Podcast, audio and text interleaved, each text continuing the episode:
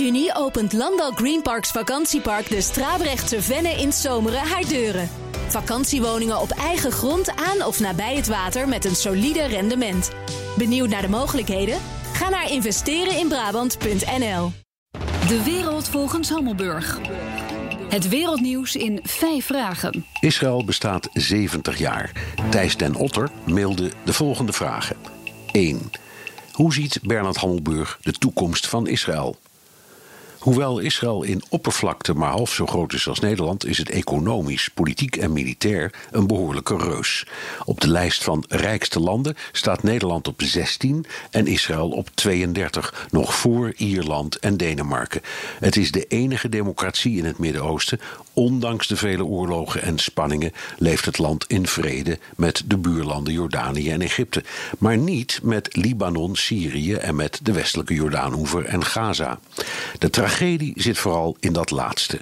Ondanks vele bemiddelingspogingen, vooral door Amerika, lukt het maar niet om vrede te sluiten met de Palestijnen.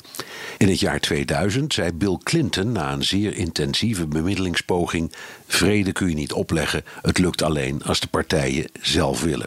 Ik vrees dat hij gelijk had. Vraag 2. Is twee staten de enige oplossing of zijn er alternatieven?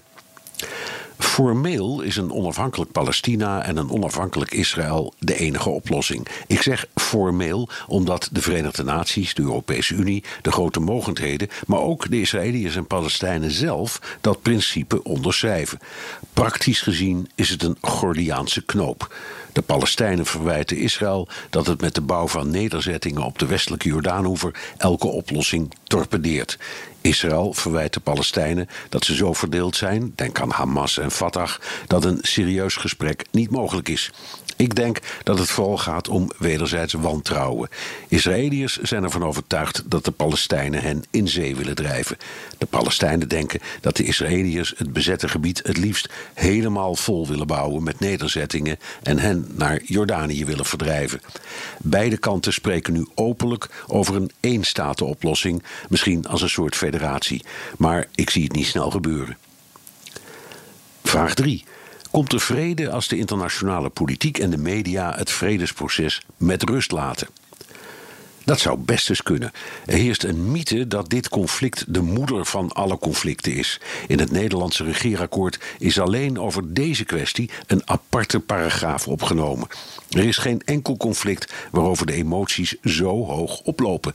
Politici en journalisten die analyses maken, meningen hebben of suggesties doen, worden meteen pro-Israëlisch of pro-Palestijns genoemd.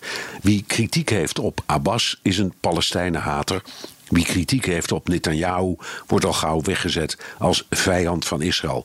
Dat is raar, want wie bijvoorbeeld kritiek heeft op Trump is daarmee niet anti-Amerikaans. Dus ja, ik vind het best een goed idee. Misschien moeten we af van die eindeloze Midden-Oosten paragrafen, bezoekende ministers en Kamerleden en van de camera's van CNN.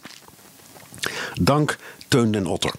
In De Wereld volgens Hammelburg beantwoord ik elke zaterdag vragen over een internationaal thema. Hebt u een onderwerp? Stuur dan een mail naar onlineredactie.bnr.nl.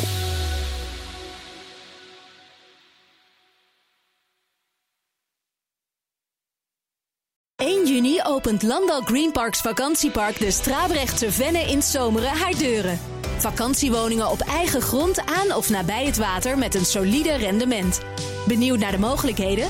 Ga naar investereninbrabant.nl.